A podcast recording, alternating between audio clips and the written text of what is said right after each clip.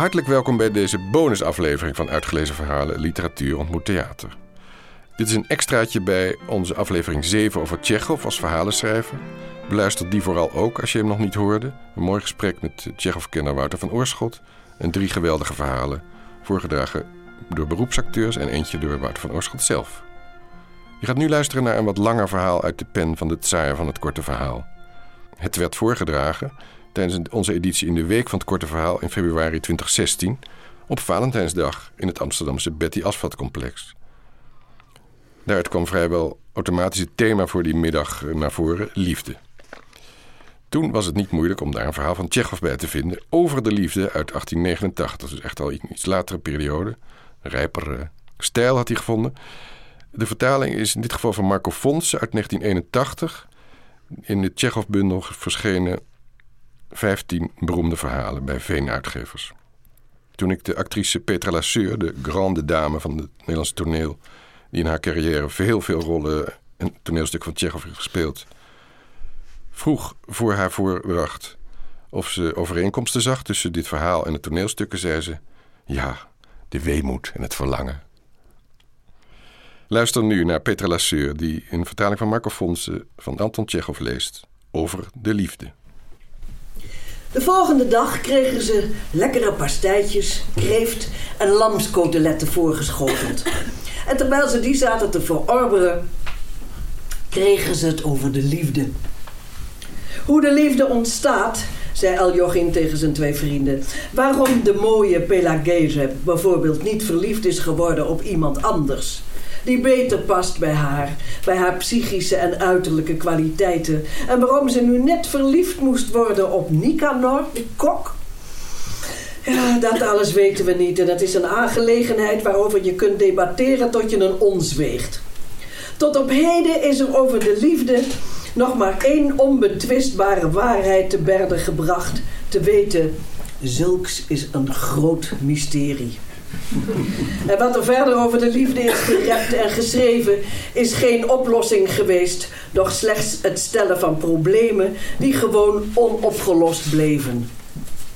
En wij, ontwikkelde Russen, koesteren een uitgesproken hartstocht voor dergelijke onoplosbare vraagstukken. In mijn studententijd bijvoorbeeld, in Moskou, had ik een levensgezellin, een lieve dame, maar die steeds als ze in mijn armen lag, dacht aan de hoogte van het bedrag dat ik haar als maandelijkse toelage zou geven en aan de dagprijs van het rundvlees.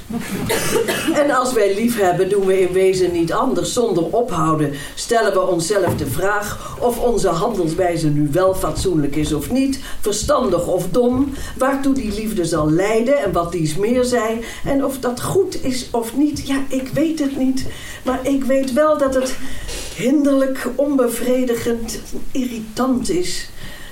Het had er veel van dat hij iets wilde vertellen. Mensen die alleen wonen hebben vaak iets op het hart dat ze graag kwijt willen. Nu zagen wij door de ramen een grijze hemel. Een grijze hemel. En bomen die dropen van de regen. En met zulk weer heb je geen enkele uitwijkmogelijkheid. En er zat dus niets anders op te vertellen en te luisteren. Ik woon op Sofino. En ik hou hier de zaken altijd draaien, begon Aljoching. Al vanaf ik klaar was met mijn universitaire studies. Mijn opvoeding heeft mij een afkeer van lichamelijke arbeid bijgebracht. Van nature ben ik een boekenwurm. Maar toen ik hierheen kwam, was het landgoed zwaar belast en omdat mijn vader zich behoorlijk in de schulden had gestoken om mij een goede opleiding te geven, besloot ik hier niet vandaan te gaan voordat ik die schulden had vereffend door eigen arbeid. En zo gezegd, zo gedaan. Ik ging aan de slag, zei het niet zonder frisse tegenzin, als ik eerlijk moet zijn. Maar ik liet geen kluitje aarde ongebruikt. Ik dreef alle boeren en hun vrouwen uit de omliggende dorpen bij elkaar. Er werd bij mij gewerkt dat het niet mooi meer was. En ik liep zelf achter de ploeg. Ik zaaide en hooide met een gezicht als een oorworm. Of van een dorpskat die van de honger in de moestuin aan de komkommers begint. Mijn bas deed overal pijn en ik liep erbij als een slaapwandelaar. In het begin wilde het me nog voorkomen dat ik dit werkzame bestaan makkelijk kon verzoenen met mijn culturele levenspatroon van voordien. Het kwam er alleen maar op aan, zo dacht ik toen, een zekere uiterlijke orde in mijn leven in stand te houden. Ik installeerde mij hier op de bovenverdieping in de beste kamers en organiseerde het zo dat ze mij na afloop van het eten koffie kwamen brengen met liqueur en dan las ik de Heroud van Europa voor ik naar bed ging. Maar vader Iwan, onze dorpspriester, kwam eens buurten en sloeg in één zitting mijn hele drankvoorraad achterover. En de Heroud van Europa vond zijn weg naar de dochters van de priester want zomers, vooral als het hooien geblazen was, zag ik niet eens meer de kans om op mijn kamers te komen. En ik sliep in een schuur of op een slee of ergens in een boswachtershut. Dus dat lezen kon ik ook wel op mijn buik schrijven. En zo zoetjes aan zocht ik het een verdieping lager weer. Ik at met het volk in de keuken mee. En van al mijn vroegere luxe hield ik alleen maar dat dienstvolk over dat nog bij mijn vader gediend had en dat ik niet wilde ontslaan uit sentimentele overwegingen. Maar vrij in het begin van mijn verblijf hier werd ik gekozen als vrederechter. Een erebaantje. Maar af en toe moest ik daarvoor naar de stad om deel te nemen aan de zittingen van de kantonrechters en van de arrondissementsrechtbank en dat bezorgde me wat afleiding. Als je hier zo'n twee, drie maanden achtereen opgesloten zit, zonder dat je er eens uitkomt, vooral in de winter, dan begin, het tenslotte, dan begin je tenslotte te tandakken naar je geklede jas. En op de zittingen van de arrondissementsrechtbank was het een en al geklede jassen en uniformen en frakken en allemaal juristen en mensen met algemene ontwikkeling. Dan kon je weer eens bijpraten. Man, wat een wilde om weer eens in een leunstoel te zitten met een schoon overhemd aan en met lichte bottines aan je voeten en de amstketen op je borst. Als je al die tijd op een slee hebt liggen slapen en met het personeel hebt meegeschaft. In de stad werd ik met open armen ontvangen. Ik maakte graag nieuwe vrienden.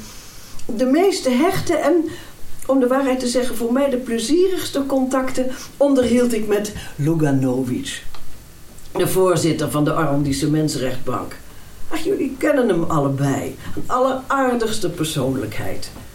Dat contact kwam tot stand vlak na die geruchtmakende zaak van die pyromanen. Het vooronderzoek had twee dagen genomen en we waren bek af. Luganovic keek me aan en zei: Weet u wat? Laten we bij mij thuis dineren. Dat kwam heel onverwacht.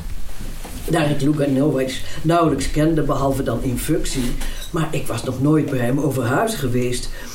Ik liep alleen nog even langs bij mijn hotel om me te verkleden en ging toen naar het etentje. En zo kreeg ik de kans, de gelegenheid om kennis te maken met Anna Alexeevna, de vrouw van Luganovic. Ze was toen nog heel jong, niet ouder dan 22, en een half jaar voordien had ze haar eerste kind op de wereld gebracht. Het is alweer een tijd geleden en het kost me nu de nodige moeite om precies te definiëren wat er eigenlijk zo uitzonderlijk aan haar was. Maar wat me zo in haar aantrok, maar destijds aan tafel wist ik het glashelder. Ik zag een knappe jonge vrouw, door en door goed, intelligent, een bekoorlijk wezen, een vrouw zoals ik tot dan toe nog nooit ontmoet had. En op slag voelde ik in haar een verwante ziel. Net alsof ik haar al kende. Net alsof ik dat gezicht met die vriendelijke, verstandige ogen alles had gezien als kind in het album dat bij mijn moeder op het dressoir lag.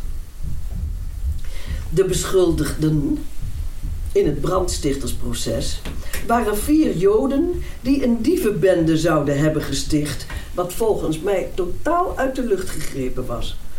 Tijdens de maaltijd maakte ik me erg druk daarover. En ik voelde me erg bezwaard. En ik weet niet meer wat ik allemaal beweerd heb. In elk geval zat Anna Alexeevna de hele tijd maar met haar hoofd te schudden.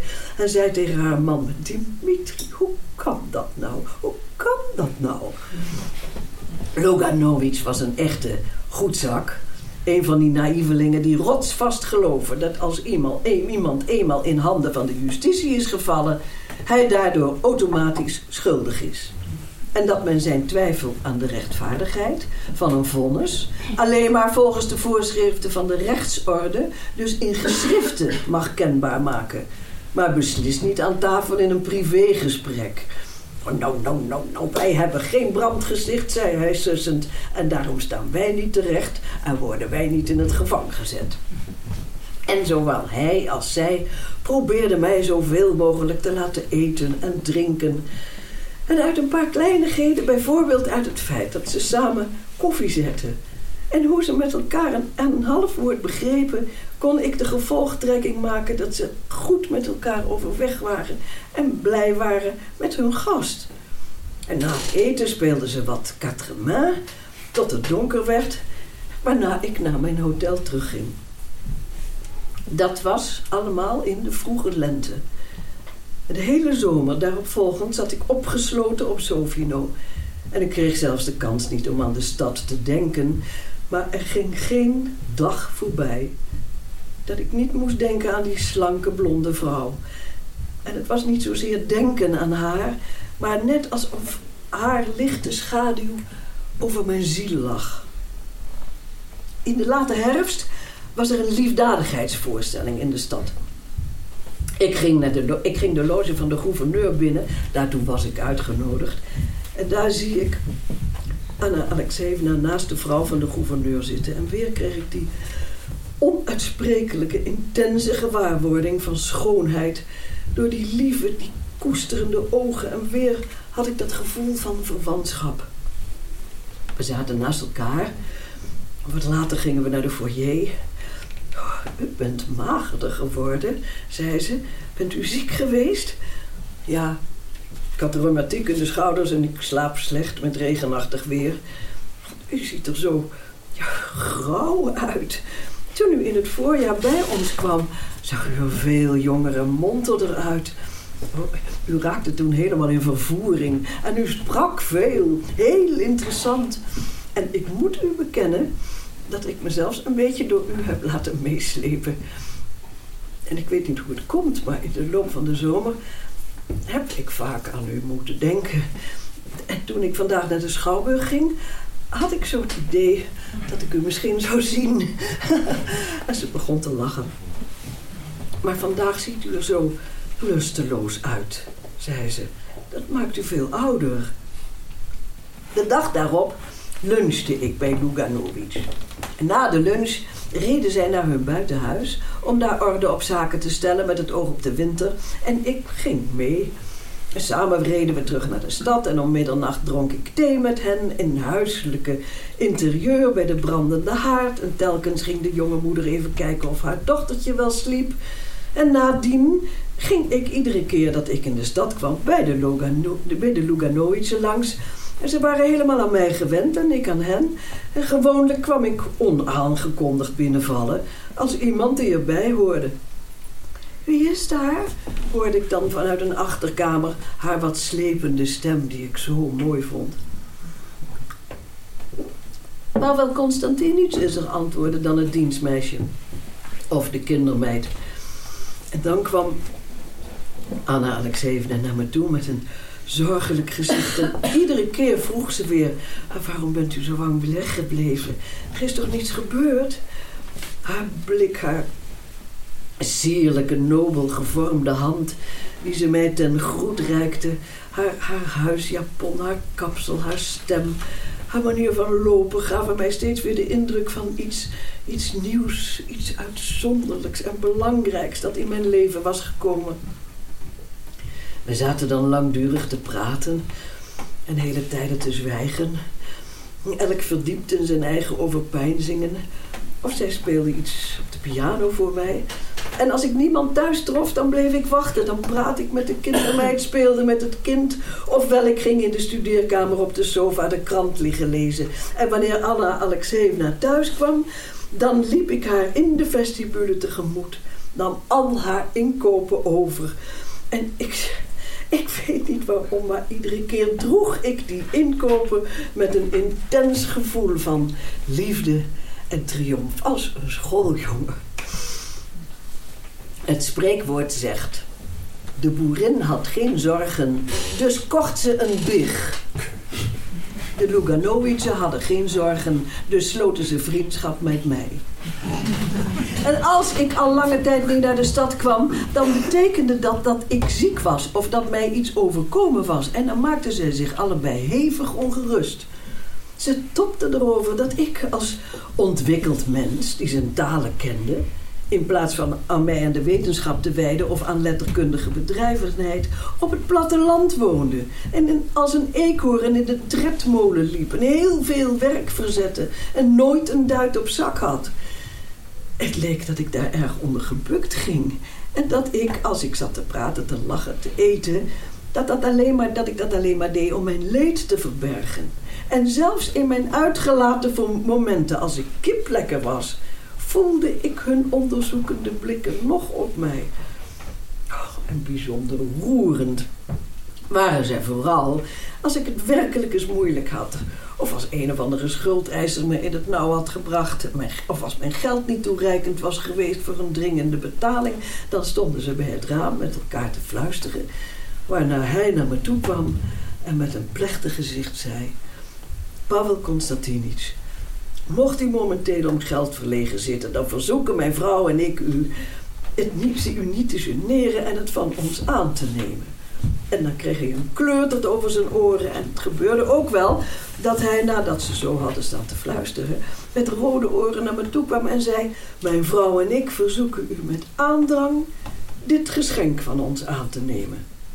En dan gaf hij mij een paar manchetknopen, een sigarenetui of een lamp. En als tegenprestatie, tegenprestatie stuurde ik ze van mijn buiten een stuk gevogelte of boter en bloemen. Ik moet er wel bij zeggen dat zij allebei vermogend waren. En toen ik hier pas zat, leende ik vaak geld en was daarin niet kinderachtig. Ik leende waar ik het maar los kon krijgen, maar ik zou er met geen geweld toegekrijgen zijn geweest om van de Luganovicen te lenen. Maar God, waar praat ik daar nou over? Ik was ongelukkig. Thuis, op het land, in de schuur. Altijd moest ik aan haar denken.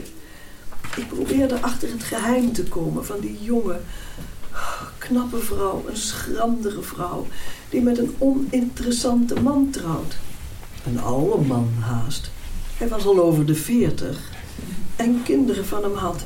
En ik probeerde achter het geheim te komen van die oninteressante man, die simpele goedzak, die zo saai vanuit zijn gezonde verstand kon redeneren, zich op bals en partijtjes tussen de notabelen ophield, een fletse en overbodige figuur met een gezicht alsof het hem allemaal niet aanging, net alsof hij op zicht gestuurd was voor een veiling, maar toch een man die geloofde in zijn recht op gelukkig zijn en kinderen van haar te hebben. En ik brak me voortdurend het hoofd om te begrijpen waarom zij uitgerekend hem en niet mij ontmoet had. En waarom er nu toch zo'n verschrikkelijke vergissing in ons leven had plaatsgevonden. Als ik in de stad kwam, zag ik steeds weer in haar ogen dat ze me verwacht had. En zelf heeft ze me eens bekend dat ze op een morgen al zo'n vermoeden had, zo'n voorgevoel dat ik zou komen. We voerden lange gesprekken, met lange pauzes ertussen. Maar onze liefde bekenden wij elkaar niet. Die hielden we angstvallig verborgen. Wij vreesden alles wat ons geheim aan onszelf zou kunnen openbaren. Ik koesterde een innige diepe liefde voor haar, maar ik bleef wikken en wegen en vroeg me af waartoe onze liefde ons zou brengen. Ik moet er niet aan denken dat mijn stille treurige liefde opeens een brutale inbreuk zou maken op die gelukkige levensloop van haar man, haar kinderen, van haar hele huis, waar ik zo liefdelijk, liefderijk werd opgenomen en waar iedereen mij vertrouwde. Zou dat niet eerloos zijn? En zij zou mij wel gevolgd hebben, maar waarheen? waar had ik haar heen kunnen brengen? Het zou nog wat anders geweest zijn als ik een mooi en boeiend leven had geleid. Als ik bijvoorbeeld had gestreden voor de vrijwording van het vaderland. Of als ik een beroemd geleerde, een, een toneelspeler of een schilder was geweest. Maar in mijn geval kwam het er immers op neer dat ik haar van het ene gewone alledaagse milieu moest weglokken naar het andere al even alledaagse milieu, milieu zo niet nog erger. En blijkbaar liet ook zij zich door dergelijke overwegingen leiden. Zij dacht aan haar man en haar kinderen, aan haar moeder, die van haar man hield als van haar eigen zoon. En als zij zich had laten gaan in overeenstemming met haar gevoelens, dan had zij ofwel moeten liegen of de waarheid moeten vertellen. En in haar positie was het een al niet minder gruwelijk dan het ander. Ook topte zij met het probleem of haar liefde mij wel gelukkig zou maken. Of zij mijn leven, dat toch al zo moeilijk genoeg was en vol tegenspoed, er niet nog erger door zou compliceren. Ik zei, vond dat ze niet jong genoeg meer was voor mij. Niet vlijtig en energiek genoeg om een nieuw leven te beginnen. En vaak had ze het er met haar man over dat ik moest trouwen met een verstandig meisje. Dat bij mijn kwaliteiten paste. En dat een goede huisvrouw voor een landheer zou zijn. Om er dan meteen aan toe te voegen dat er in de hele stad natuurlijk niet zo'n meisje te vinden zou zijn. Ondertussen gingen de jaren voorbij. Anna Alexeevna had dan nu twee kinderen. En als ik bij de Luganovice verscheen, begroette het personeel mij met een verwelkomende glimlach. En de kinderen schreeuwden dat oom Pavel er was en ze hingen om mijn nek en iedereen was blij met mijn komst. Ze begrepen niet wat er in mijn ziel omging en dachten dat ik al even blij was. Anna Alexeevna en ik gingen vaak naar de Schouwburg, altijd te voet. En dan zaten we naast elkaar op de eerste rang. En onze schouders beroerden elkaar. En zwijgend nam ik de toneelkamer, toneelkijker uit haar handen. En op zo'n moment voelde ik dat ze mij naast stond. Dat ze de mijne was. En dat we niet buiten elkaar konden. Maar om een of ander gek misverstand namen wij na de voorstelling steeds weer afscheid van elkaar en gingen we uit elkaar als wildvreemden. En God mag weten wat voor praatjes ze in de stad rondstrooiden. Maar van al dat geroddel was geen woord waar. De laatste jaren ging Anna Alexeevna steeds vaker voor een tijdje logeren. Nu is bij haar moeder, dan is bij haar zuster. Zij kreeg al perioden van ja, humeurigheid en dan wilde ze haar man nog haar kinderen zien. En daarin manifesteerde zich het besef van onbevredigd stuk gelopen leven. Ze stond al onder doktersbehandeling voor haar overspannen zenuwen. Wij zwegen. Soms steekt niemand meer mond open. Maar in gezelschap van derden legde zij een vreemd soort geprikkeldheid jegens mij aan de dag. Ik kon beweren wat ik wilde, maar zij ging er tegenin. En als ik met iemand discussieerde, koos zij stevast de zijde van mijn opponent. En als ik iets uit mijn handen liet vallen, zei ze koeltjes... Gefeliciteerd hoor. En als we naar de Schouwburg gingen en ik vergat eens de toneelkijker mee te nemen, dan was het naderhand... Ik wist dat je hem vergeten zou. Tot ons geluk of tot ons ongeluk bestaat er niets in ons leven dat vroeg of laat niet aan zijn einde komt. De tijd van scheiden brak aan toen Luganovic een benoeming tot president van een der westelijke gouvernementsrechtbanken had gekregen. Hun hele hebben en houden moest onder de hamer. Het meubilair, de equipage, het buitenhuis. bereden nog één keer naar de dacha. En toen we terugkeerden en omkeken om nog een laatste blik te werpen op de tuin en op het groene dak, was het ons allemaal droef te moede. En ik begreep dat de tijd was gekomen om niet alleen van het zomerverblijf afscheid te nemen. Er was besloten dat wij op voorschrift van de artsen Anna Alexeevna eind augustus op de trein zouden zetten voor een reis naar de Krim. En Luganovic kort daarna met de kinderen af zou reizen naar zijn gouvernement in het westen.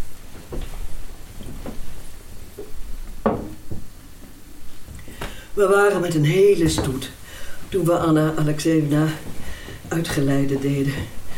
En toen zij al afscheid had genomen van haar man en haar kinderen, schoot ik op het laatste ogenblik, vlak voor dat vertrekken van de trein, haar coupé binnen om een mandje dat ze bijna vergeten had in het bagagenet te zetten.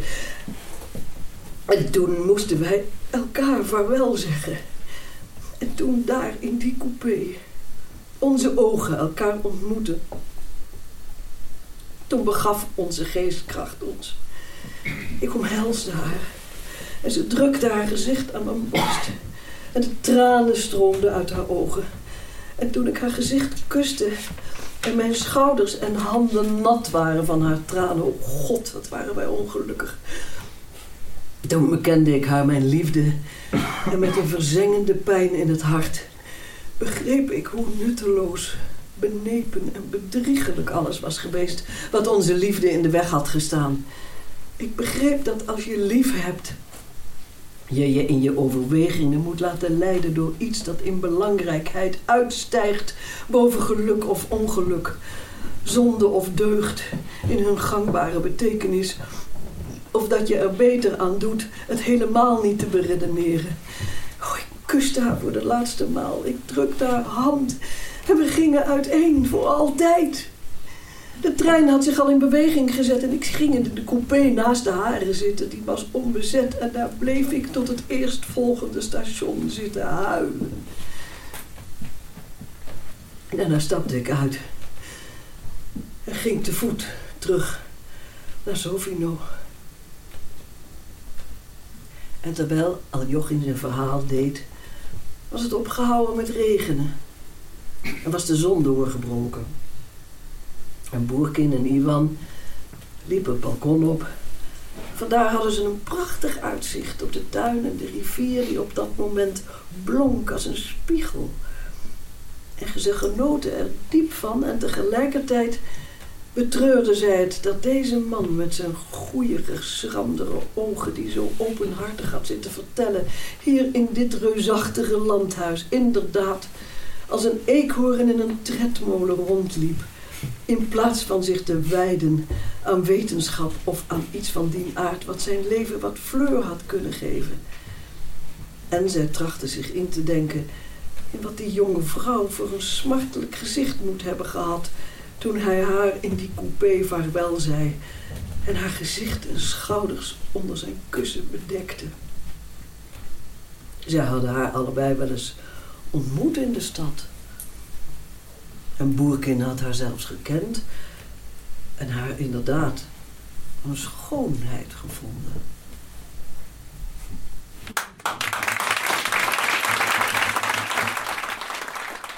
Je hoorde Petra Lasseur, die een vertaling van Marco Fonse van Anton Tjechov las over de liefde. Dit was een bonusaflevering van Uitgelezen Verhalen. Uh, graag wijs ik je nog op onze volgende editie in het theater. Op 14 mei hebben we een compleet nieuw programma. Dus de verhalen zijn nog niet bekend, nog de acteurs. Dat doen we altijd korter van tevoren.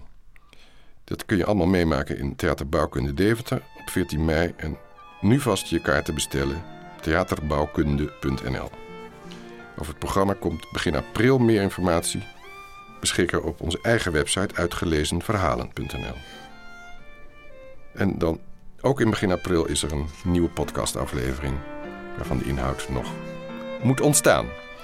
Deze bonusaflevering is ondersteund door de Stichting Wesselings van Bremen, Prins Bernhard Cultuurfonds en de Deventer Cultuurclub. Aan deze aflevering werkte mee de vertaler Marco Fonse, postuum, Dirk-Jan van Ittersum voor de opname en montage. De herkenningsmelodie is van Amir Swaap en Sietske van Gorkom. Ik ben Pieter van Scherpenberg en gidste je door deze aflevering. Graag tot een andere keer.